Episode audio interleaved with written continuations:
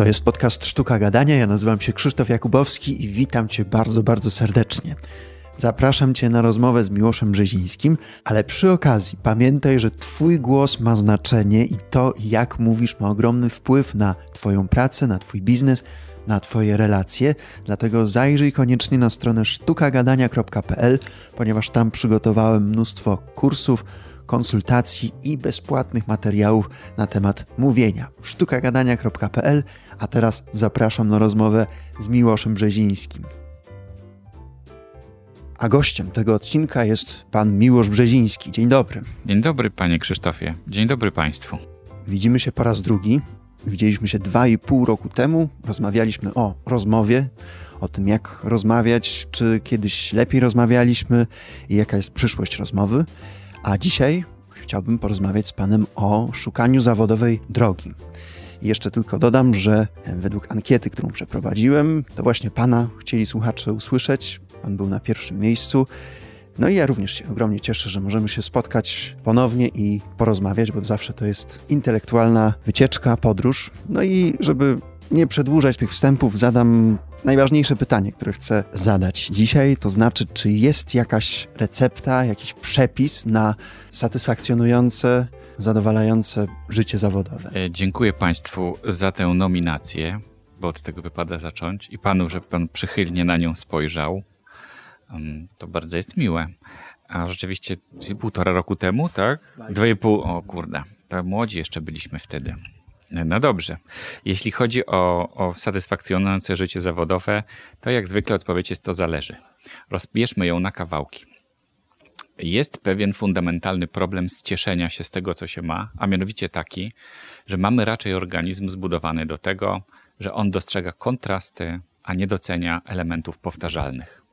Czyli, e, hmm, dajmy jakiś przykład. Jak ktoś lubi się napić piwa, to pierwszy łyk piwa jest bez porównania lepszy niż cała reszta.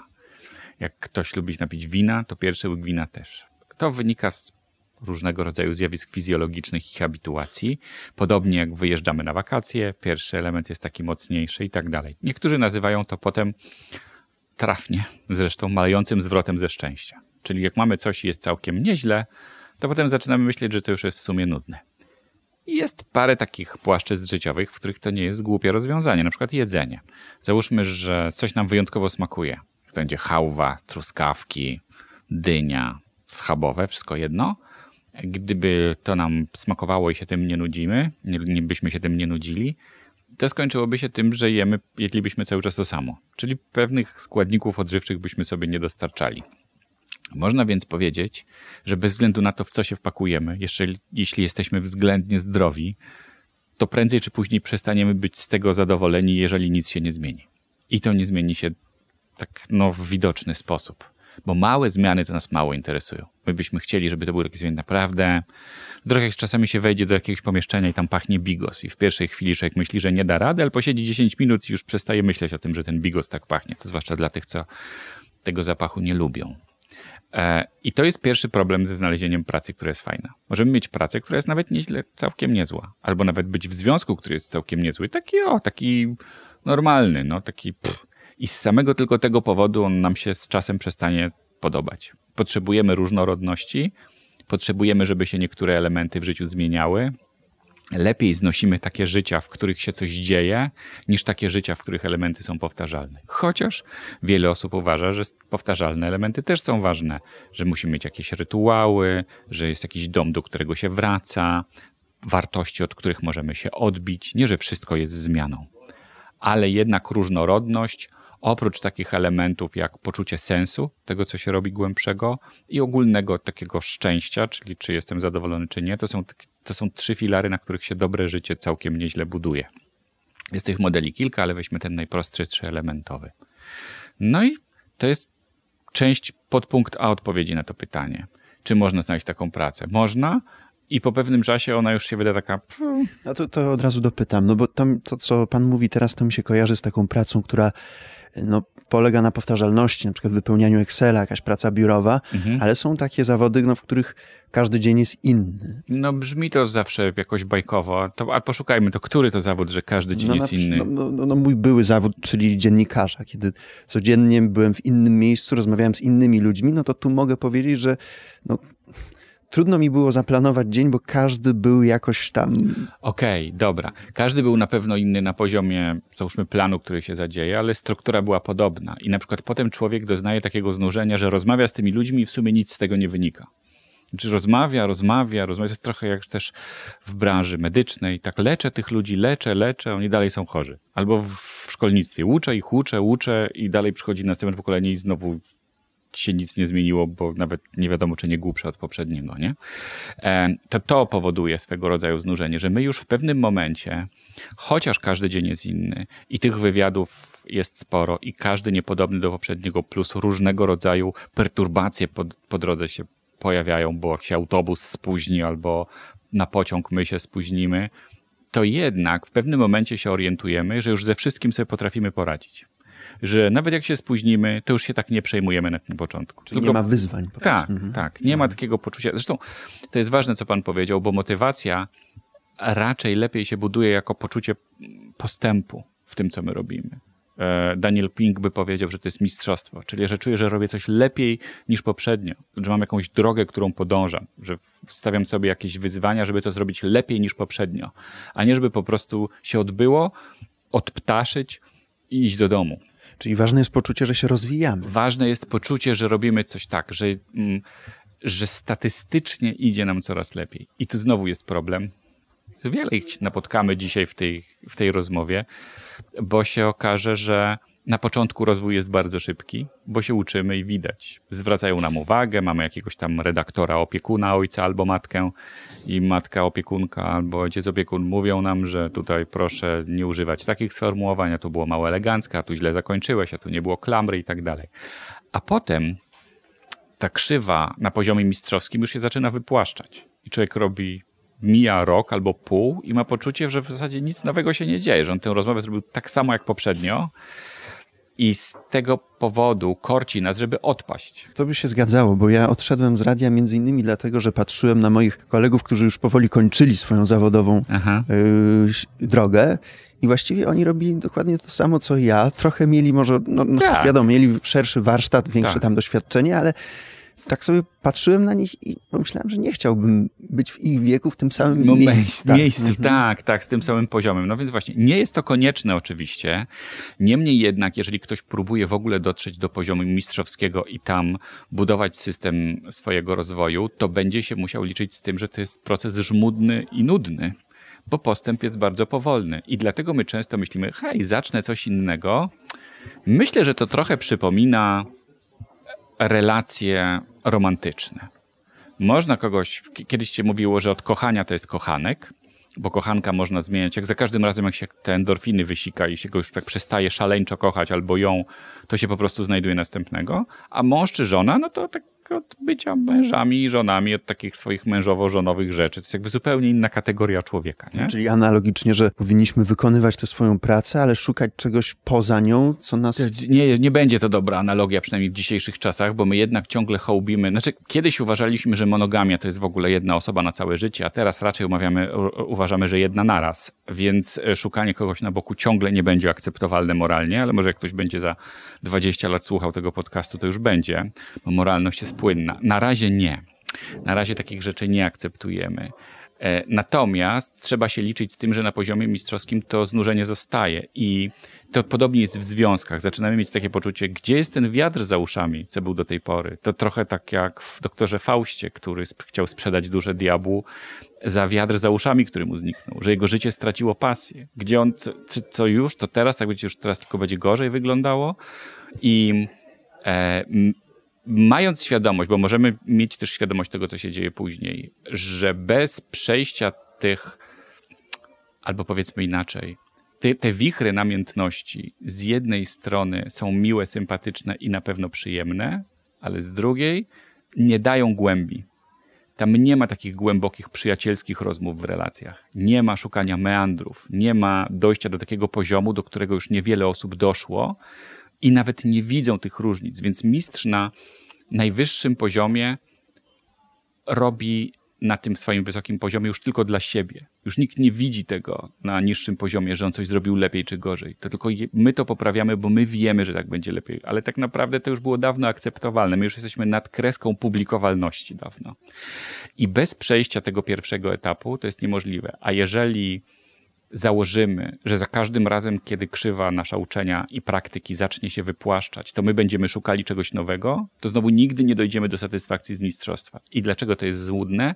Ano dlatego, że przez całe życie nie da się zaczynać na tym samym poziomie człowiek się rozwija do 20-30 roku życia z taką inteligencją płynną, czyli z taką inteligencją, która jest skłonna do ryzykowania, nie potrzebuje pełnej liczby danych, chętnie nadwyręża strukturę, w której funkcjonuje, jest taka trochę rewolucyjna, rewolucjonistyczna, może nawet byśmy powiedzieli, szuka odpowiedzi na różne pytania, nie wiedząc do końca, w jakim tunelu błądzi, a od 30 roku życia, jak mówią w filmach, a zwłaszcza w jednym, w wabanku, spada zapotrzebowanie na ryzyko, a rośnie na święty spokój. I człowiek zaczyna być bardziej chodzącą encyklopedią różnych rzeczy, które wie, i w tym zaczyna się lepiej sprawdzać niż w ryzykowaniu i kombinowaniu. Właściwie to wiedzielibyśmy, że w wielu kulturach wymaga się tego od człowieka, żeby on przestał być ryzykantem i szaleńcem, a zaczął być nauczycielem i mistrzem dla innych. Czyli teraz on musi oddać to, co dostał wcześniej.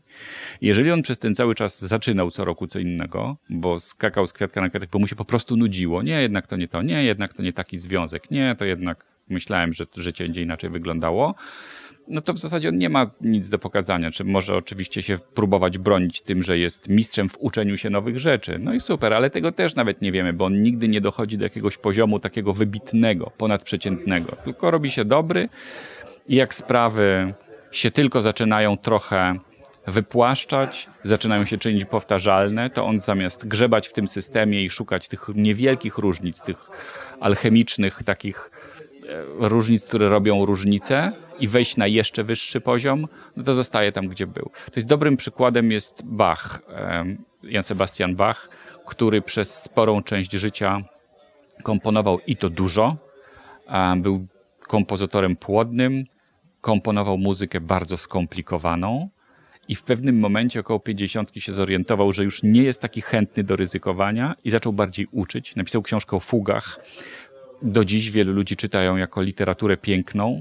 E, wnuczki go uwielbiały i czuł się spełniony umierając. Przestał być takim taką osobą, która eksploruje, poprawia sama dla siebie po 400 razy trzy te same nuty, bo twierdził, że to jeszcze nie odnalazł w tym Boga i że musi to jeszcze poprawić. Mówmy się, dla nas by to już było wszystko jedno, byśmy łyknęli tę pierwszą wersję, ale dla niego to nie było, więc nikt tego specjalnie nie widział, ale on to robił dla siebie. I dlatego no, już daleko zdryfowaliśmy od tego pytania, jak znaleźć tę, czy, czy, czy to jest w ogóle możliwe, żeby znaleźć pracę dla siebie, a to jest dopiero punkt A, ale już widać, że sprawa jest skomplikowana, bo punkt B, może powiedzmy o tym krótko, jest taki, że nie każdy ma taki układ nerwowy, żeby w ogóle się nad czymś skupić. Że na przykład potrzebujemy pewnego poziomu epinefryny, czy adrenaliny, czy, czy dopaminy, żebyś w ogóle odczuwać w życiu pasję i chęć robienia czegoś. I jeżeli ktoś tego nie ma, z różnych powodów, albo organizm tego nie produkuje, albo nie ma z czego, bo na przykład nie dostarcza mu czy ćwiczeń, czy jedzenia, czy, czy, czy jakby nie ma z czego tych suplementów wytworzyć, tych, tych neuromodulatorów wytworzyć, to taka osoba się w, nigdy w nic nie wciągnie. Ona po prostu będzie życiem znudzona. Już nie mówiąc o tym, że niektórzy mogą to mieć, ale nabierają takich skryptów życiowych, że jęczenie i leżenie to w ogóle jest całkiem niezły sposób na życie, bo zawsze ktoś przyjdzie i cię wyratuje. I w, i w rodzinach mamy takie osoby. Myślimy, że one będą jęczały, jęczały, ale w końcu, jak ten garnek wybuchnie, jak one pójdą w cuk, jak docisną, to tylko wióry polecą. No więc są takie osoby, pod których garnkiem nie ma gazu w ogóle. I te osoby po prostu jęczą i udają, że szukają, chociaż same do końca mogą tego nie być świadome, ale tylko po to, żeby spróbować stwierdzić, nie, jednak nie, jednak ja to muszę leżeć. Jak to się bardziej nadaje? Pozycja horyzontalna, ekskluzywne kurorty, all inclusive i żeby ktoś nam nie łożył. Takie osoby nie są zadowolone z życia, Natomiast nie mają innego skryptu wbudowanego i nie są nawet do tego zdolne, więc niektóre są zdolne, ale są wyuczone, a niektóre nawet nie wylosowały takiego układu nerwowego, żeby w ogóle być zadowolone w życiu. Najgorzej, jak jesteśmy taką osobą, która ma dużą chęć pomagania i trafi na taką osobę w relacji interpersonalnej, na przykład bliskiej, próbujemy ją ratować, bo myślimy, że jak tymi groszkami, które mamy, da się w końcu tę studnię zasypać.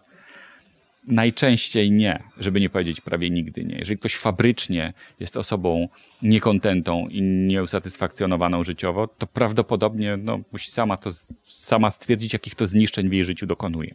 I póki się z tym w jakiś sposób nie pogodzi, to też nie znajdzie pracy marzeń, bo będzie cały czas stękała, że to po prostu jest ciągle nie to. No. To taka, będzie taka kontaminacyjna narracja wszystkich zakażająca dookoła, że no myślałem, że tu, ale nie, jednak skończyło się jak zwykle. No myślałem, że jak tu się przeniosę, ale nie, jednak no, znowu to, to samo, szambo, czek wdepnął, nie? Ja to, co zrobisz, jak nic nie możesz zrobić? No i pewnie też i, i, i pan, i państwo, słuchacze mają takie doświadczenia, że my mamy mnóstwo pomysłów, jak tej sobie pomóc. Mówimy, weź, ale tu złóż podanie, a umiesz robić z gliny, a przecież masz maszynę do szycia, bo ci tam babcia kupiła, mama, mąż, żona, czy coś tam. Możesz coś porobić, bo my najlepsze porady to mamy dla innych w życiu, nie? I na gołym okiem widzimy, co ta osoba mogłaby porobić, że, a jednak jakimś cudem ona siedzi na tej pinesce, usiadła i mówi, tyle krwi w jednym tyłku. No usiadłam na tej pinesce, nie mogę jednak wstać w ogóle. Kurde, co tu zrobić? No nic, nic się nie da zrobić, nie?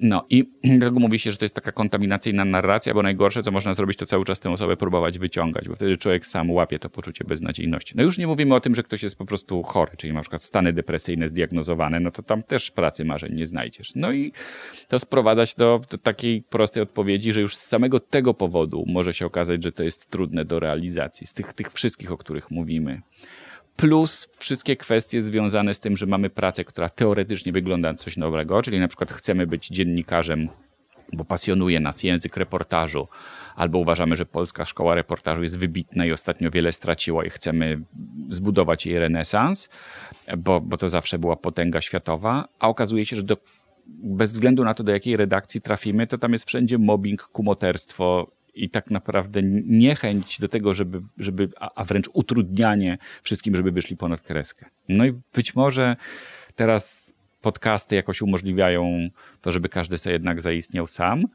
ale może się okazać, że jesteśmy w takiej sytuacji, że na przykład z jakiegoś powodu nie możemy tego robić i po prostu otoczenie jest nie takie. Nie?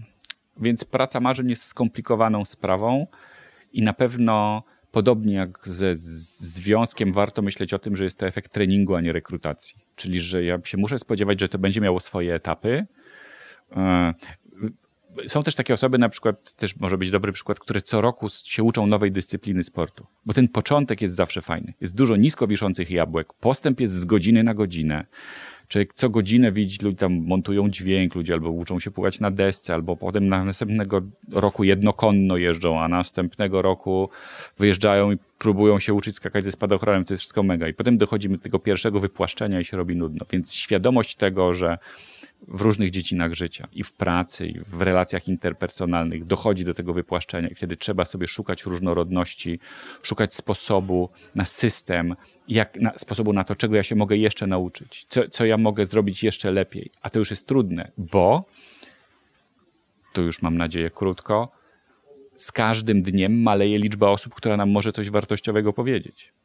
I, a mistrz to już w ogóle zostaje sam człowiek czyta wtedy książki, nie wiem, o robieniu reportaży, przeczyta trzy i się cieszy, jak z jakieś jedno zdanie w ogóle jest wartościowe, a reszta to jest paździerz, po prostu takie tam tararara, musisz, tutaj, tutaj to, a tutaj to, a język reportażowy to już tam się cofa obiad, no ale czytamy, bo czekamy na to jedno zdanie, które jest o, to nad tym będę miesiąc pracował, nie? Ale tego jest coraz mniej.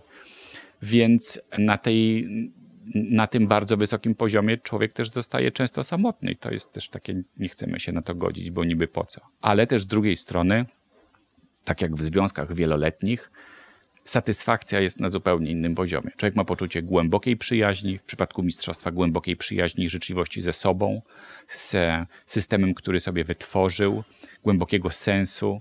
Jak ktoś czuje sens, to to już jest bardzo dużo. To jest w stanie się wyciągnąć nawet wtedy, jak jest ciężko. No i z kochanką się nie, czy z kochankiem nie zbuduje się takiej relacji. A z kimś, to się długo buduje się, już się z niejednego pieca chleb wynosiło, to jest zupełnie inna rozmowa. Bo człowiek i porozmawia o tym, że miał kolonoskopię i o tym, że mu dali premię. No i, i, i czuje się bezpiecznie z tym. Tak. Mhm. A czy słuszny wniosek jest w takim razie taki, że powinniśmy szukać tego do trzydziestki, a potem już zostać wiernym temu, co się znalazło? Statystycznie tak, ale statystyka to wiemy, nie? Jak wygląda. Jakby pan wszedł do pieca, a ja skoczę pod lód w jeziorze, to statystycznie czujemy się dobrze obaj, nie? E, więc zasadniczo jest, porada jest taka, żeby e, jeżeli nie wiem do końca, co ja bym chciał robić, bo niektórzy się rodzą i wiedzą, będę chirurgiem, albo chirurżką, albo będę malarką, albo będę maszynistką. No dobra, to tych odcinamy, oni mają z jednej strony życie proste, a drugie trudne. Ale jeżeli nie wiem, co mam robić, to powinienem raczej kierować się w tym kierunku, gdzie mi idzie łatwo. I do tego wymaga się niejakiego kontaktu ze sobą, ale też dużej wrażliwości na otoczenie. Właściwie, powiedzmy tak, poprawny proces edukacji, czyli coś, co pewnie już zapomnieliśmy, jak wygląda. Wygląda tak, że ja ustalam swoją indywidualność. Czym ja się, co ja mam, jaki ja mam wyjątkowy konglomerat cech na świecie. A a w drugim etapie zastanawiam się, jak go zaprząc do tego, żeby moje otoczenie stało się lepsze. Czyli jak to wprowadzić do świata, żeby było lepiej. Jeżeli na przykład stwierdzam, że lubię podcasty i umiem śpiewać, to robię śpiewane podcasty.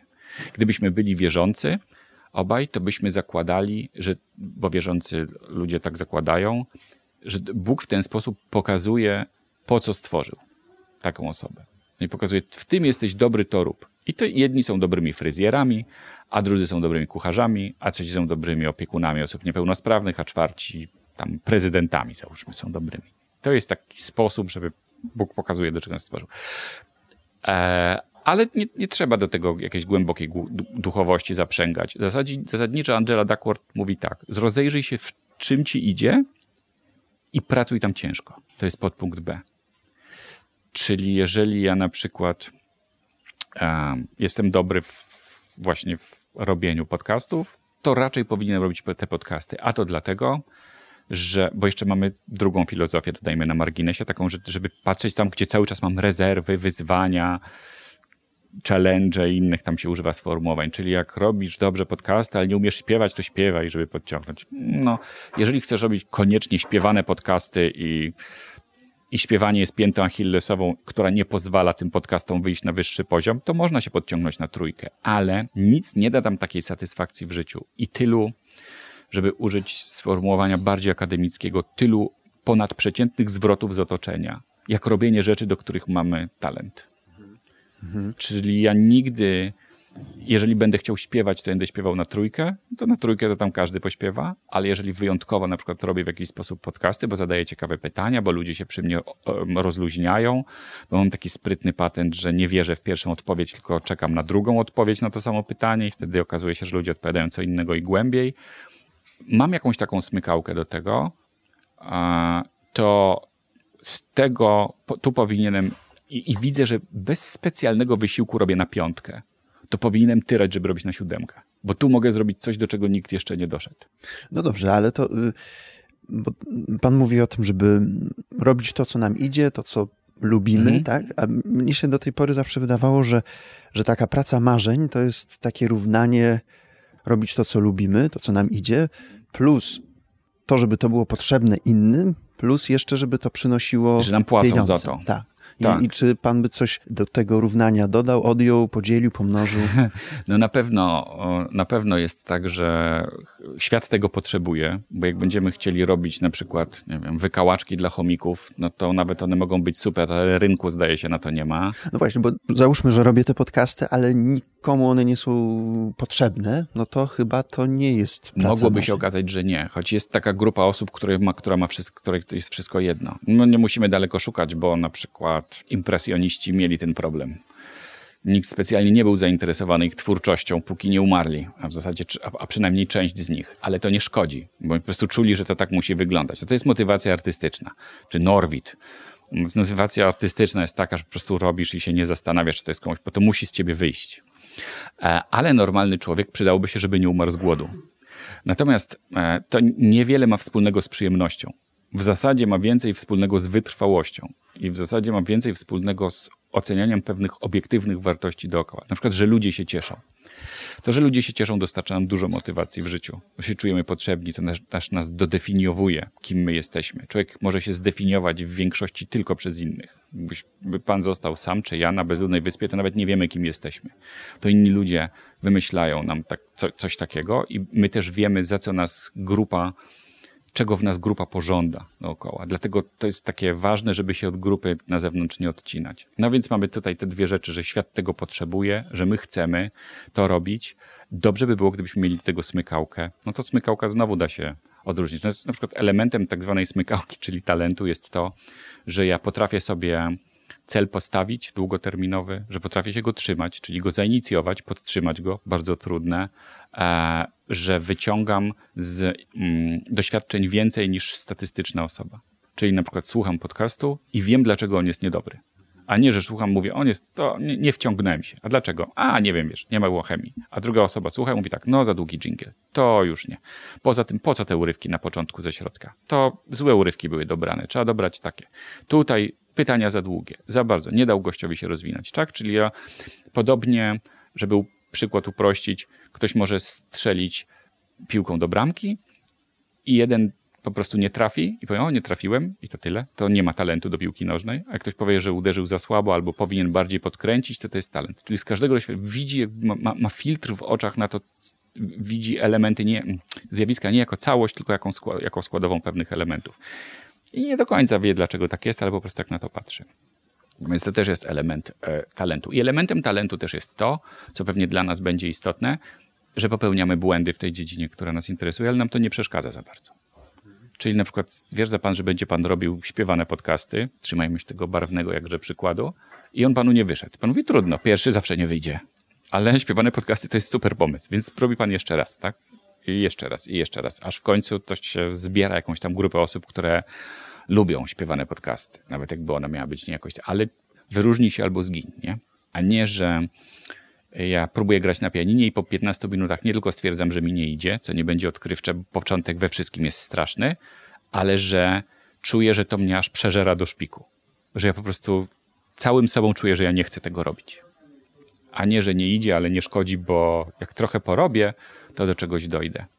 Więc to, to podzielił, pomnożył, dodał, to, to możemy dodać takie też elementy. Mhm. A czy wniosek może być taki, że no, robić to, co lubimy, to, co nam idzie, na maksa się w tym rozwijać i wtedy jest większe prawdopodobieństwo, że po jakimś czasie to zacznie być potrzebne też innym, i dzięki temu przyjdzie też kasa. To jest tak, jest, jest takie założenie biznesowe, zresztą już od czasów Steve'a Jobsa, że ludziom, że ludzie nie wymyślają, co im jest potrzebne i co kupują, tylko eksperci im mówią, że w biznesie na przykład, że klienci nie wymyślają Amazona, bo, albo wyszukiwarki indeksowanej, albo telefonu komórkowego, gdzie nie wiedzą, że coś takiego by im się przydało.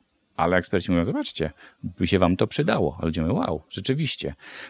Klienci są dobrzy w cyzelowaniu tego, co powstało. I czasami może się okazać na przykład, że wytwarzamy jakiś produkt, ludzie się nie spodziewali, a to rzeczywiście działa. Na pewno ten element, że to sformułowanie, że lubimy, to jest ciągle na wyrost. E, to raczej jest pewien wewnętrzny imperatyw. E, więcej tam będzie poczucia obowiązkowości w takiej pracy mistrzowskiej, niż tego, że ja wstaję i mówię, wow, na szczęście jest środa, jeszcze będę mógł sobie pomontować podcasty dzisiaj, a nie weekend. Tak to, jak ktoś tak myśli, to prawdopodobnie powinien zmienić lekarza, bo mu złe leki przepisuje. Nie da się tego zrobić. Ludzie, którzy dochodzą daleko, bardziej są wytrwali niż zajarani tym, co robią to jest bardziej taka spokojna, to jest trochę tak jak w buddyzmie się mówi, żeby szukać takiej relacji, nie która nas od, od zmysłów od razu odprowadza i e, jesteśmy szaleni, tylko szukać takiej relacji, która nas czyni spokojnymi. Że tak siedzę i dłubię, i siedzę i dłubię. I potem w stanie przepływu po trzech godzinach podnoszę wzrok. Się okazało, że w ogóle nie zobaczyłem, kiedy ten czas minął, a ja w tym czasie na przykład montowałem tylko, bo mi się to podoba. I, I dlatego Y, takie nieprzeszkadzanie, że ja coś robię i mi to nie przeszkadza, co niektórzy definiują jako, że mi to sprawia przyjemność, jest ważne, bo ja nie potrzebuję tylu, tyle energii poświęcić na to, żeby przy tym wytrwać. Czyli na przykład, gdybym chciał być informatykiem w firmie, w jakimś banku i jedna osoba nie lubi być informatykiem, a druga lubi, to ta, co lubi, w cudzysłowie, dłużej wysiedzi w pracy nad projektem. A ta, co nie lubi, po prostu o 17 załóżmy wstanie i wyjdzie. Bo, bo musi się przez cały czas mierzyć z takim płytkim konfliktem, że nie lubię tego, a muszę się przymuszać. Nie, to nie jest moje miejsce, a się muszę przymuszać. Więc to też dla organizacji jest bardziej użyteczne, żeby zatrudniać takie osoby, które lubią to, co robią. Mhm. No to to jest cenna wskazówka. Tak mi się wydaje, że żeby rozpoznać to, czy to jest być może ta praca marzeń, że my się do niej nie zmuszamy, tylko po prostu. Że ona się tak dzieje. Tak, że człowiek tak chodzi. Ona ma takie momenty, że człowiek jest zmęczony, że mu się nie chce, że zastanawia co by tu porobić, powiedzieć, ale nie czuje obrzydzenia to, i, i, to w wielu przypadkach już wystarczy, zakładając, że jesteśmy zdrowi i tę całą resztę elementów oczywiście wypełniliśmy, bo praca może być miła, ale możemy mieć przełożoną albo przełożonego, którzy są tam rąbnięci i, a, i ciężko z nimi wytrzymać, trudno z nimi wytrzymać. Ale jeżeli to jest wszystko w zakresie normy, tak, to tam nie będzie wiatru za uszami i tak dalej, to będzie takie bardziej na poziomie mistrzowskim siadamy do dłubania. To jest takie bardziej rzemieślnicza praca i percepowanie tego jako głębokiego sensu swojego istnienia, że mnie to idzie, że doszedłem tak daleko, że niewiele osób tu już potrafi dotrzeć, a, a jak zacznę od początku, to po pierwsze nie wiadomo, czy to być mi zażre, no i, i, i, i, czy będę w stanie w ogóle się tak mocno zaangażować jak w to, bo też codzienność pracy to jest coś takiego, czego nie sposób przewidzieć. Pasja jest elementem działania, mm, pokłosiem działania. No i nie możemy wymyślić zawczasu. Dlatego też często osobom się mówi, jak mają zmieniać profesję, czy zmieniać zajęcie, to mówić też im, żeby nie rzucały tego, co robią, tylko sobie to robiły 80-20 na przykład. Czyli robią sobie to, co robiły, a w międzyczasie zaczęły próbować robić coś innego. No wiadomo, że na początek będzie uciążliwy. Załóżmy, że ktoś był, nie wiem, kierowcą autobusu, a stwierdza, że będzie pisał kryminały. No to to jest na pewno będzie ciężka przeprawa, bo praca z wydawcami, nie tylko w Polsce, ale na całym świecie wygląda tak, że nawet jak już książek, człowiek książkę napisze i nawet jak ona jest niezła, to z rok będzie musiał poczekać, zanim dostanie odpowiedź od wydawcy, czy w ogóle to będzie publikowane, czy nie. Więc w tym czasie może nawet zdążyć napisać dwie książki, albo trzy, albo niektórzy na przykład dwanaście książek piszą i, i, wysyłają. Są takie historie oczywiście, że ktoś wysyła, ma znajomości i agent od razu go gdzieś przepycha, ale w Polsce raczej się tego nie spodziewamy. No więc głupio rzucać wszystko i teraz będę pisał książki, bo znaczy, że cię cała rodzina będzie musiała utrzymywać przez parę lat, nie? Tak jak Paulo Coelho. E, I e, z, z, raźniej jest robić to, co do tej pory, ale sobie pomacać. Już nie mówiąc o tym, że my jeszcze tak do końca, póki czegoś nie spróbujemy, to nie wiemy, czy codzienność tej pracy nam odpowiada. Czy my lubimy montować podcasty, czy my po prostu lubimy, że on już jest zrobiony. Bo jak ktoś chce być, lubi, jak on jest zrobiony, to może powinien zostać wydawcą podcastów, a nie autorem podcastów. Mieć jakąś stajnię podcasterów, którzy tam cisną na różne tematy, a on jest takim wielkim stajennym, który tam jak w korporacji taksówkowej to wszystko ogarnia. Tak samo jak ktoś nie lubi pisać książek, ale lubi jak one są ładne, to też może powinien zostać wydawcą, a nie tym, bo, bo codzienność pracy najczęściej spotyka się takie sformułowanie, że ludzie są zawiedzeni zawodem prawnika i weterynarza. Myślę, że weterynarz to głównie masuje chomiczki i przychodzą do niego zwierzątka, a nie, że zajmuje się eutanazjami i tyra i walczy z mm, właścicielami zwierząt, którzy karmią pod stołem kotletami i się zastanawia, jak tu dotrzeć, że to nie jest do, najlepsze jedzenie dla zwierzęcia, więc jest permanentna frustracja. No i, no i prawnicy, którzy, którzy też w filmach są pokazywani, że to jest wszystko miło, fajnie, przyjemnie i ludzie płaczą, bo pomagasz bidulką, a potem się okazuje, że tam tkwisz nad fotokopiarką albo nad mailami przez 20 godzin na dobę. Więc dobrze jest sobie popróbować, żeby zobaczyć, czy ta codzienność jest czymś, co mi żre w głowie, a nie tylko efekt końcowy. Tylko czy ja po prostu lubię tak sobie wstać, tak sobie, tak coś tam pokomponować, albo po, czy lubię stawiać litery, czy lubię coś tam. I się okaże, że nie, no to się nie odkleiliśmy jeszcze od starego miejsca zatrudnienia. Mówi się, że można zrezygnować ze starego miejsca zatrudnienia. Podobno, tak znowu pewnie lubimy statystyki, jakieś klarowne odpowiedzi. Jeżeli nowe miejsce zatrudnienia daje już 80% przychodu ze starego. I jeżeli tak jest, to można spokojnie zacząć się myśleć o desantowaniu się.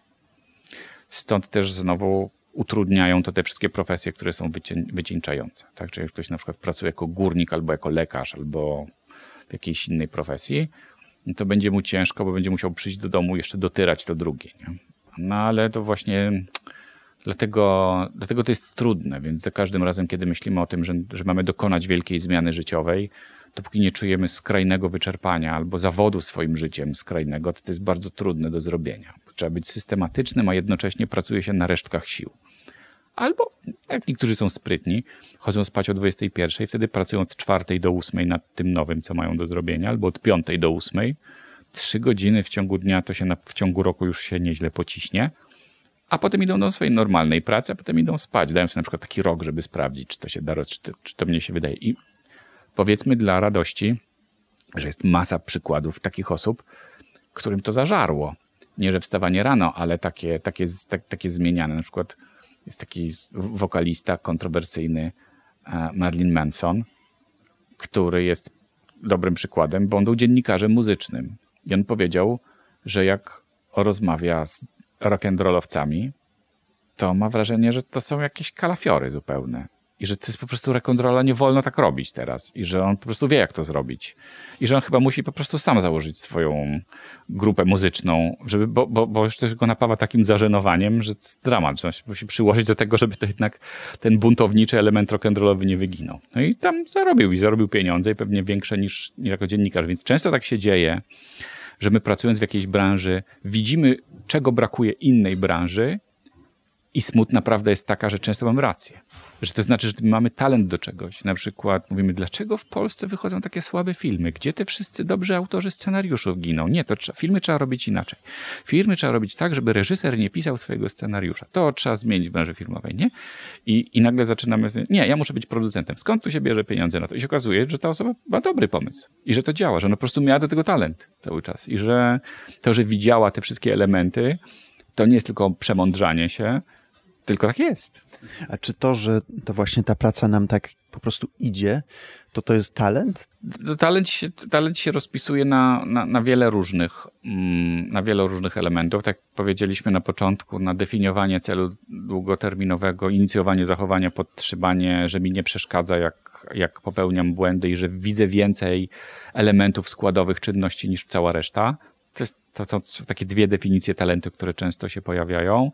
Mm, natomiast istotnym elementem talentu jest to, że my ciężko pracujemy tam, gdzie dobrze nam idzie.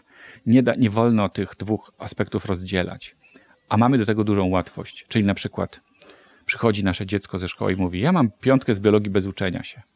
No to w sumie fajnie, no bo nie trzeba się męczyć. Ale lepiej wyjdzie to dziecko, które będzie, widząc, że ma piątkę z biologii, pracowało na siódemkę. Nie tylko dlatego, że ma szansę znaleźć szczepionkę na raka dzięki temu, ale też dlatego, tak jak powiedzieliśmy na początku, że tam ma szansę zrobić, dostać taki zwrot z otoczenia wokół siebie, z czego nie ma żadnego innego, że będzie to, to go bardzo zbuduje, dużo zyska poczucia własnej wartości, poczucia własnej skuteczności w życiu, jak ma, z chemii ma trzy z dwoma i mam powie, nie, nie pracuj nad biologią, tylko pracuj, no może z biologią i chemia to akurat jest ciężko było, ale może ma jakiegoś upierdliwego nauczyciela.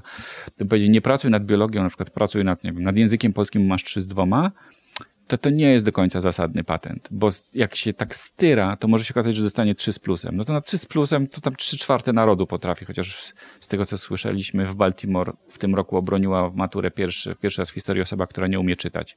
Więc, um, więc to i tak może zawyża średnią. W każdym razie e, to nie to my mówimy, że jak ktoś ma piątkę z biologii, to to jest teraz, spróbuj, zobacz co się stanie, jak się na to sfokusujesz. Że będziesz pisał takie eseje, że aż pani od biologii nie będzie wiedziała, co się dzieje. I, bo, bo ta, tam możesz udziergać więcej znacznie niż cała reszta. Chyba, że ci ten polski bardzo przeszkadza. Tak się często na przykład nie znam angielskiego, a chciałbym coś tam na rynku angielskim zahachmęcić i nic nie rozumiem. No to mogę się angielskiego nauczyć na trójkę i to ok. Więc jak mi coś naprawdę zawadza, to mogę od dołu patrzeć. Ale generalnie w życiu człowiek powinien się kierować w tę stronę, w której mu idzie łatwo i ciężko tam pracować. Tam ma sporo do uzyskania. I czasami to są dziwne rzeczy, bo na przykład ktoś trafia jest księgowym. To jest taka osoba, co męczy liczby tak długo, aż one się przyznają, nie? I ale księgowy musi czasem coś zaprezentować. I on zaczyna robić prezentację, okazuje się, że wszyscy chcą, żeby, bo on robi świetne prezentacje. I na what? Co teraz? No to teraz powinien się zacząć zastanawiać, jak w tej pracy, którą ma, zbudować jak najwięcej na tym, że on robi prezentację. Czy on może na przykład dokonywać dużych zmian w firmie, bo będzie robił tak prezentację, że ludzie będą chętni, żeby to działało. Czy może powinien zrobić kanał na YouTubie, żeby, na którym pokazuje prezentację. Jest taka dziewczyna, która postanowiła, to jest dobry przykład tego, jak się czasami toczą koleje losu śmiesznie, która zawsze chciała być e, biologiem. W, w, anglosaskim, na anglosaskim systemie odróżnia się biologa i naturalistę, czyli przyrodnika byśmy powiedzieli. No ale ona chciała być biologiem. I okazało się w trakcie, że szukała w różnych miejscach. Biologia może być albo, jak się ładnie mówi, albo mikroskopowa, albo lornetkowa. Czyli możesz być takim, że siedzisz w kitlu i tam patrzysz, co się rusza pod szkiełkiem, albo biegasz po polu i patrzysz, co też za szkiełkiem się rusza, ale dalej.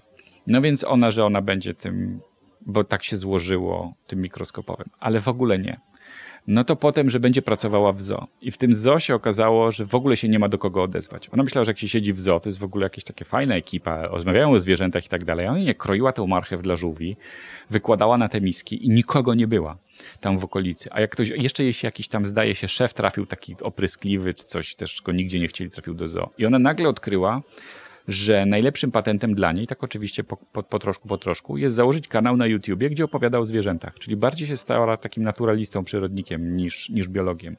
I to spowodowało, że nie tylko mogła chodzić po całym ogrodzie zoologicznym i pokazywać inne zwierzęta, mogła też wyjeżdżać jak sobie wzięła urlop i zastanawiać się, gdzie pojedzie, żeby pokazać jakieś ciekawe zwierzęta, że umie o nich opowiadać, a nie tylko kroić im marchew, ale że ma z kim porozmawiać, na czym jej bardzo zależało, bo masa osób zaczęła do niej pisać, nagrywali dla niej filmiki też, tam dzieli się z nią jakimiś doświadczeniami i okazało się, że tak grzebiąc w tym, w tym otoczeniu, zastanawiał się, jak, jak, co by mi w tym, jak, co ja mogę połączyć, żeby to działało? No i my mamy jakieś, zawsze jakąś sytuację na rynku pracy zastałą, czyli że czegoś nie, coś było w jakiejś wersji, a my dokładamy do tego coś, coś nowego, tak, do telefonu komórkowego, czyli że śpiewany podcast, nie? Albo podcast z czymś tam, albo coś tam jeszcze dokładamy, bo czujemy, że jesteśmy dobrzy i w tym, i w tym. A tego jeszcze nie ma. Ale to nie znaczy, że tego nie ma, bo nikt by tego nie chciał, tylko nikt na to nie wpadł, albo nikt nie jest tak zbudowany, że umie i mówić, i zadawać pytania, i śpiewać. Nie? A oto my jesteśmy, to jest nasz indywidualny kawałek i bach. I próbujemy. Więc dłubanie w tych okolicach gdzieś tu ciepło, zimno, gdzie, gdzieś tu jest coś dla mnie. Gdzieś tu jest w tej okolicy coś dla mnie. Jest całkiem niezłe.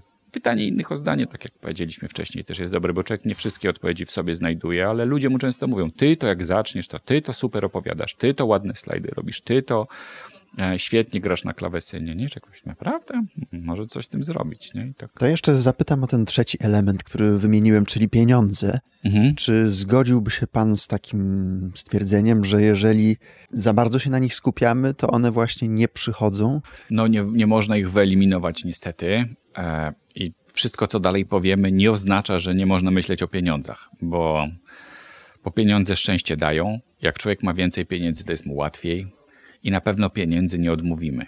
Choć niektórzy mówią, że najgorzej to trafić w życiu w takie miejsce, którego się nie lubi robić, a zaczyna się mieć z tego pieniądze.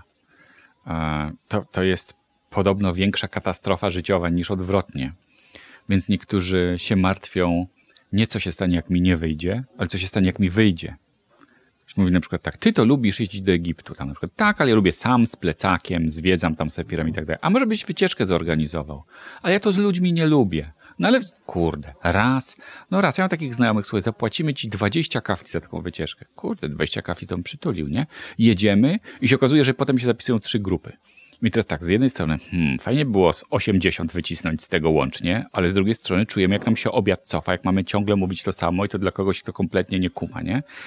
I ten konflikt bywa w życiu dramatyczny. Że my zaczynamy coś, to jest podobno takie zdanie najgorsze, który, jedno z najgorszych kłamstw, które sobie można w 30 roku życia powiedzieć. To tylko taka praca na chwilę, a potem znajdę coś poważnego, nie? I potem człowiek ma 55 i cały czas to samo se mówi, się orientuje, że jednak już jest o wiele starszy. Więc mm, rzeczywiście tak jest. Druga sprawa jest taka, że, e, że, że też, że pieniądze źle motywują jeżeli zaczynamy zarabiać dużo, to zaczynamy myśleć o tym, że właściwie jakość nie ma jakiegoś specjalnego znaczenia. Ważne, żebyśmy odhaczyli, że zrobiliśmy albo trzy, albo cztery projekty. I mamy takich badań bardzo dużo. To jest w procesach motywacyjnych ciągle jakaś sól wokół, bo, bo wiemy, że im ludziom więcej zapłacimy, też są, tym, tym są gorsi, poza pracą na akord. Czyli są mniej kreatywni, nie zastanawiają się, jak zrobić, wprowadzić nową jakość, tylko próbują skopiować swój poprzedni sukces i tak dalej, i tak dalej. Więc Mówi się często w e, naukach społecznych, w psychologii biznesu, tak ją nazwijmy, tej części nauk społecznych, że jakby dało się pieniądze wyeliminować z motywacji, to byśmy to zrobili. Bo one więcej psują niż naprawiają. Człowiek zaczyna po prostu, jak ich, zwłaszcza jak się robi dużo, zaczyna bardziej myśleć. Nie jest chętny do pomocy innym, nie jest chętnie empatyzujący, uważa, że ludzie mają wybór nawet jak go nie mają. No, pieniądze są bardzo dewastujące. Natomiast stare żydowskie przysłowie mówi, że pianista powinien zagrać najładniej jak potrafi, nawet jeśli mu za to płacą. Czyli my cały czas w zasadzie powinniśmy pilnować tego, że pieniądze są efektem ubocznym tego, co robimy, ale tak naprawdę to my pracujemy cały czas ze sobą, żeby robić najlepiej to, co mamy do zrobienia. W tych warunkach, które mamy. Żeby to zjedny... bo, bo te warunki, które mamy znowu, weźmy sobie przykład artysty. Gdybym, gdyby mnie ksiądz proboszcz wynajął do tego, żebym pomalował kościół, a ja jestem malarzem bardzo współcześnie nowoczesnym, to nie mogę tam robić linii prostopadłych, bo wtedy nie uzyskam faktury zapłaconej za to. To musi być, tam muszą być cherubinki, Jezusek i to wszystko zgodne z literą pisma. I to jest zawsze taki ból artystów, że chcemy nadwyrężyć formę, ale nie za bardzo. Czyli żeby klienci się znaleźli. Ale jak tylko zacznę myśleć o tym, ile ja pieniędzy za to dostanę, to jeśli nie za pierwszym razem, to za trzecim albo za czwartym to będzie owocowało wybitnym spadkiem jakości. Ja będę się po prostu, załóżmy, że ktoś panu mówi tak, jak pan nagra taką serię podcastów, załóżmy z kim to miała być seria podcastów, jakąś tam serię podcastów, załóżmy o zwierzętach, niech będzie, to dostanie pan 150 tysięcy za to. Jak trudno się skupić na jakości tej serii podcastów teraz. Człowiek zaczyna od razu myśleć, co zrobić z tymi pieniędzmi. I z tego się po prostu nie da wybić. I Dlatego my o wiele bardziej wolimy takie sytuacje dla rozwoju psychicznego, że człowiek zaczyna zarabiać powoli coraz więcej, jeżeli już, co też znowu jest średnio etyczne, ale się po prostu przyzwyczaja do tego, co dostaje. Że, że, że, że nie, ma takiego, nie ma takiego strzału, który tuneluje widzenie na kwotę, którą się na końcu dostanie. Bo my wiemy, że jak ludziom taki wytworzymy taki komin płacowy, to jeśli chodzi o pracę kreatywną, to tam cudu z tego nie będzie.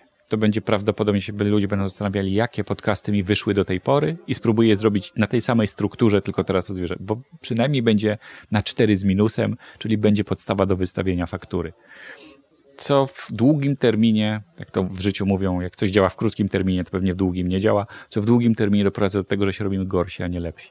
Więc rzeczywiście tak jest, ale nasza, nasza rozmowa jest e, no, taka trochę egzotyczna, bo wiadomo, że nikt pieniędzy nie odmawia i każdy pieniądze nie mają normy i pewnie wolimy zarabiać więcej niż mniej. To nie jest nic dziwnego, bo żyjemy w takim świecie, że jak powiedzieliśmy, że po prostu bogatym jest łatwiej więc się nie będziemy nad tym zastanawiać. Ale generalnie, jeżeli mogę ja o czymś myśleć cały czas, to powinienem raczej myśleć o tym, żeby dostarczać wartość, a, a na pieniądzach się za bardzo nie skupiać. Żeby, to, żeby pieniądze były raczej efektem ubocznym tego, co ja robię. Czyli ja to powinienem proaktywnie w sobie mm, patrzeć, czy mi za to płacą, patrzeć, czy jestem godnie wynagradzany, czy na przykład wszyscy już zarabiają więcej w tej branży, czy, a, a ja ciągle nie, bo nie wynegocjowałem sobie wyższych stawek, to wszystko jest istotne i na zewnątrz tak właśnie wygląda, ale w środku, kiedy tylko się da, żeby myśleć o tym, jak zbudować nową jakość, co, co ja mogę nowego zrobić, co, co, czego się do tej pory nie pojawiło, nawet ryzykując ale żeby to było coś, co nie przejdzie obojętnie. To wydaje mi się trudne, no bo z jednej strony myśleć o pieniądzach, z drugiej strony nie myśleć no, o pieniądzach. Dlatego, dlatego to jest nie do, nie do pogodzenia i ta, ta praca mentalna jest bardzo złożona, ale zwracamy uwagę na to, że myślenie o pieniądzach nie prowadzi do wysokiego poziomu wykonania. I do radości z życia też nie, nie prowadzi, ponieważ, tak jak powiedzieliśmy wcześniej, pieniądze nie mają normy, więc człowiek i tak będzie miał poczucie, że ma za mało. Jak pan dostanie 150 tysięcy, się przez chwilę ucieszy, a potem w zasadzie zaczyna to być źródłem troski pewnej, no bo znaczy lepiej się smucić w Ferrari niż na rowerze, to wiadomo. Chociaż za 150 tysięcy pewnie nie kupimy, ale to jest taka sytuacja, że lepiej by było, jakbyśmy byli motywowani czym innym. Że, że, że, że, pieniądze w efekcie powodują, że ludzie pracują coraz gorzej, bo, bo próbują na przykład dostać szybko. Bo jak, jak pan nagra te podcasty, pan dostanie. No to znowu się tworzy konflikt. Mógłbym pracować półtora roku, ale jeżeli obcyngolę je w półtora miesiąca, to już za dwa miesiące będę na Zanzibarze. Nie? No i się zaczyna tłuczenie. Dlatego pieniądze są bardzo zgubne, tak jak powiedzieliśmy, nie mają normy i jak pan dostanie te 150 kafli, to pan je dostanie i za chwilę to już będzie za mało. W tej samej sekundzie właściwie. Się stanie takie, mmm, To już nigdy, to już taki złoty strzał, ja już nigdy tyle nie zarobię. Już nie coś tam. No, więc, więc tak. I myśleć i nie. Trzeba do tych pieniędzy podchodzić dość rozsądnie. To jest w ogóle trudny temat, bo nasza mentalna księgowość jest bardzo zawodna. Mózg sobie nie radzi z myśleniem o pieniądzach w ogóle i dlatego wiele osób to wykorzystuje. Na przykład organizacje albo korporacje często to wykorzystują, banki to wykorzystują. My jesteśmy bardzo słabawi w myśleniu o pieniądzach, ale one nie, nie, nie budują dobrze tego, że my się robimy lepsi w swoim fachu. Jest jeszcze jedna rzecz, którą, o którą chcę zapytać w kontekście tego szukania wymarzonego zawodu, wymarzonej pracy, bo już wielokrotnie spotkałem się z takim przeświadczeniem, że najpierw trzeba sobie wyobrazić to, co chcemy robić, y, wyobrazić siebie, jak hmm. już to robimy, użyć swojej wyobraźni i dzięki temu przybliżymy się do tego celu? Czy, czy są jakieś są. badania? Czy, nie, czy, jest odwrotnie. Czy to zupełnie. działa, czy? Mm, e, wyobrażanie sobie wielkiego, niebezpiecznego celu na końcu dobrze robi pierwszy strzał endorfinowy i w, może spowodować, że wypadniemy tak, jakbyśmy sobie tego na końcu nie wyobrażali, albo gorzej. Dlaczego tak się dzieje? Nie wiadomo, ale zakładamy, że będziemy mieli o wiele większy kłopot z tym, z przeciwnościami i trudnościami, których sobie nie wyobrażamy, wyobrażając sobie tylko efekt końcowy, i one nas dojadą. Że całe codzienne wyobrażanie sobie tego, jak będzie na końcu, po pierwsze jest nieprawdą, bo to nigdy nie będzie tak na końcu, jak sobie wyobrażaliśmy. Świat jest o wiele bardziej skomplikowany. Po drugie, co jeżeli nam się w trakcie odwiedzi? Czyli na przykład stwierdzimy, że to jest dobry cel, ale nie ma z niego pieniędzy. I musimy robić na przykład wywiady nie sami, tylko z ludźmi albo nie sami, tylko ze zwierzętami. I wtedy co my mamy zrobić z tym celem, który się zmieni w trakcie? I znowu okazuje się, że gorzej wypadają osoby wytrwałe. Jedną z wad wytrwałości czy z umiejętności jest niechęć do zmieniania celu, kiedy on przestanie działać. Więc choć uważamy, że wytrwałość jest cechą, która jest ze wszechmiar dobra, to nie jest ze wszechmiar dobra. Osoby, które się uważają za wytrwałe, powinny się częściej niż inne zastanawiać, czy dalej kopanie łyżką w skalę ma sens bo na przykład ja coś robię, ale widzę, że tu już w tej branży więcej się nie da zarobić, a na pewno nie w tej wersji, co ja to robię. Że po prostu muszę to jakbyś robić, robić inaczej, bo prąd mnie kosztuje więcej, czy węgiel. E, co działa natomiast, czyli co wypada lepiej? I to będzie, to jest przykra konkluzja, ale działa wyobrażanie sobie, co najgorszego się może stać, jak tego nie zrobię. I okazuje się, choć, że choć nie jest to bardzo przyjemne uczucie, jak człowiek zaczyna sobie wyobrażać, co najgorsze, i to im bardziej jest kreatywny, tym lepiej. Do czego doprowadzę swoje życie, jak będę cały czas tyrał w tym miejscu i w taki sposób, jak jestem, to to jest o wiele lepszy motywator, żeby się ruszyć z miejsca, niż zastanawianie się nad tym, jak będzie super ekstra na końcu. Czyli, że młodsi nie będziemy, że drugiego życia nikt nam nie da, że jak przewiniemy ten rok do przodu i to ekstrapolujemy, będzie to samo, tylko będziemy starsi, a może nas wyrzucą z pracy, bo wiadomo, że do końca życia nie będą nas na przykład trzymać na niższym stanowisku, bo zaraz się pojawi rzesza studentów i stażystów, którzy zrobią to taniej. I my często słyszymy, no w biznesie bardzo często się spotykamy z taką rzewną historią. Ja to zakładałem tę firmę, a teraz mnie wyrzucają. Biznes nie ma żadnych skrupułów. Po prostu któregoś dnia zmierzyć, zmieni się zarząd, właściciel może się też zmienić i przegłosują, że wszyscy poniżej kreski w Excelu nara i nikt nie będzie słuchał tego, że my zakładaliśmy, bo polecą równie ci, co zakładali, ci, co nie zakładali. Oczywiście, że nam będzie przykro, bo myślimy, że sam fakt, że zakładaliśmy powoduje, że ma, otacza nas aura świętości i nie wolno nas dotykać, ale się nikt nad tym nie będzie zastanawiał, więc, więc proaktywność jest tutaj lepsza. I, I myślenie o tym, jak moje życie będzie dalej wyglądało, lecz będę tylko starszy, jest lepszym motywatorem, jak co moje dzieci o mnie powiedzą, co mój partner, gdzie ja będę mieszkał, a, ile czasu będę miał na urlopy, bo wyjdzie na to, że na przykład coraz mniej, ile będę wydawał na leki, będę wydawał coraz więcej załóżmy na leki, a nie tego. No tam ludzie wymyślają różne kreatywne, mają pomysły, ale wyobrażanie sobie tego w sposób pozytywny jest, e, skoro pyta pan o badania, wypada się tak samo albo gorzej.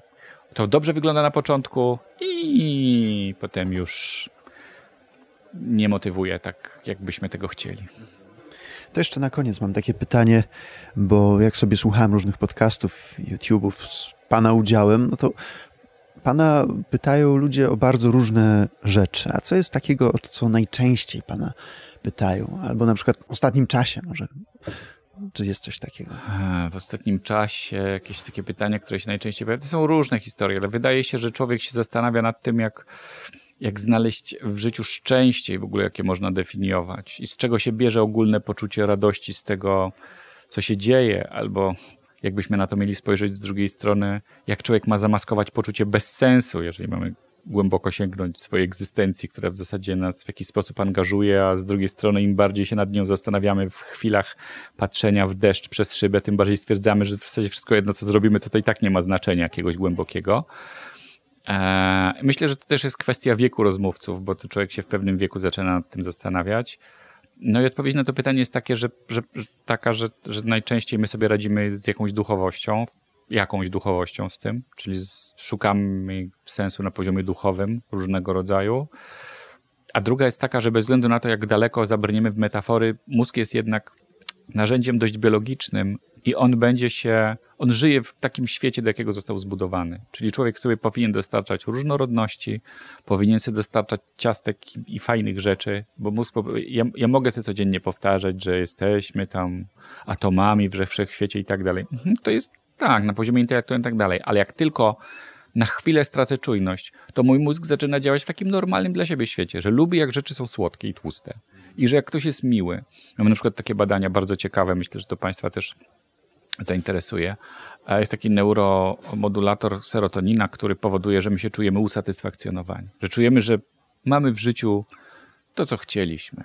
Ona też ma swoją taką, nazwijmy to, mroczną stronę, bo jak się człowiek czuje usatysfakcjonowany, to się też robi bezproduktywny, no bo już wszystko ma to, co ma robić.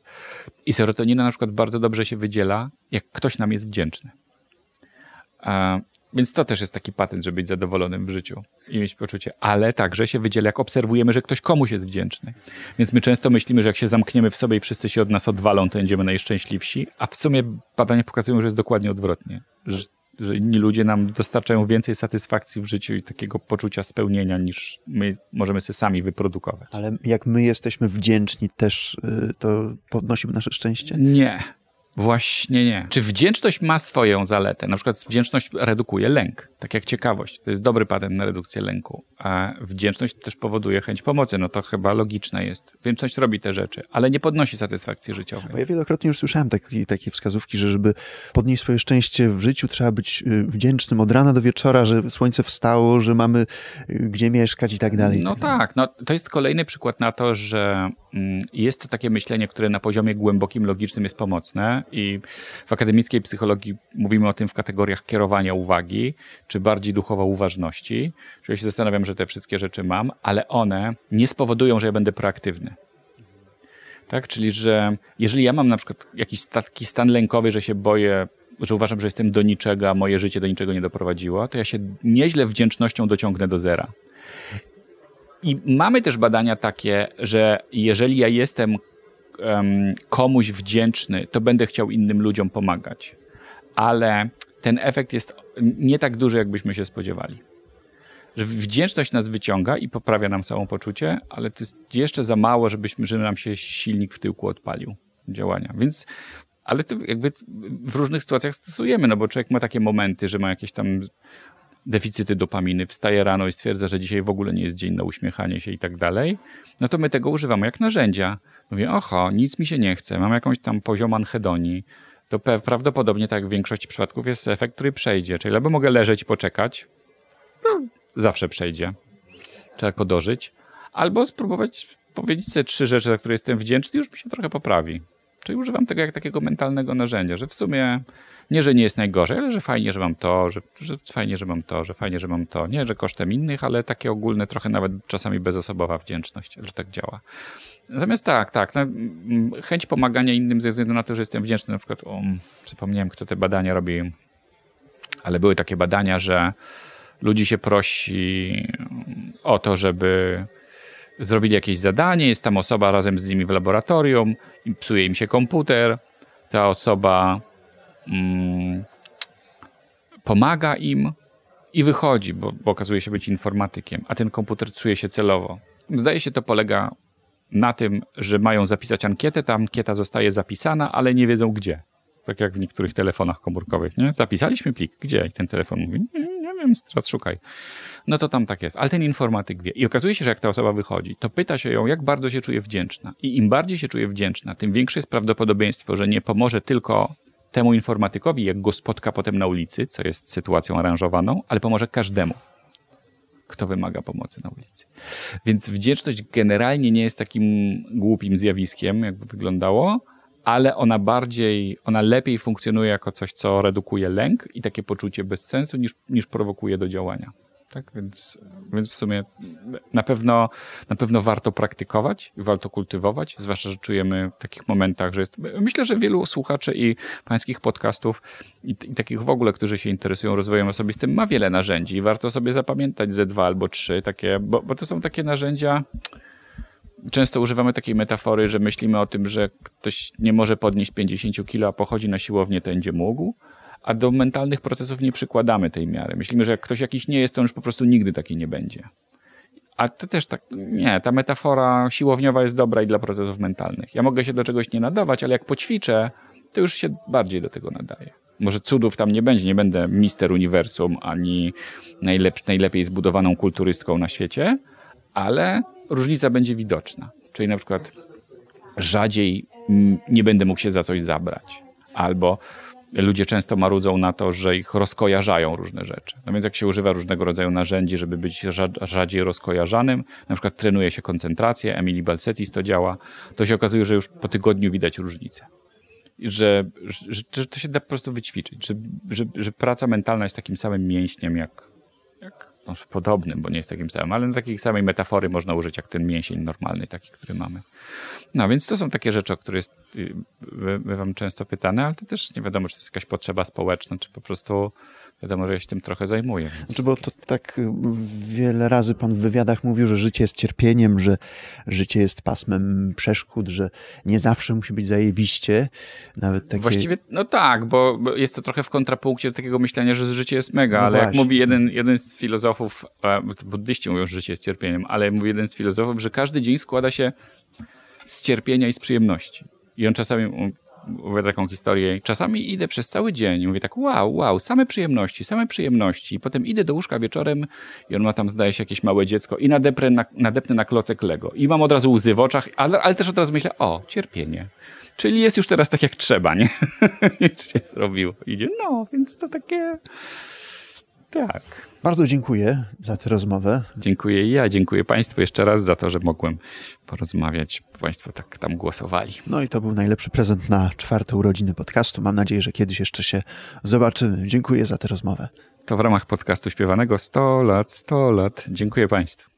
Dziękuję Ci za wysłuchanie tego podcastu. Jeżeli chcesz poprawić swoje mówienie, swoją komunikację, to koniecznie odwiedź stronę sztukagadania.pl, ponieważ tam przygotowałem bezpłatne materiały, ale i też kursy, warsztaty i indywidualne konsultacje. Zachęcam również do Instagrama Sztuki Gadania, ponieważ tam znajdziesz więcej wideo, więcej materiałów, a także do dołączenia do facebookowej grupy podcast Sztuka Gadania, żeby się lepiej poznać. Ja nazywam się Krzysztof Jakubowski, pozdrawiam cię serdecznie i do usłyszenia.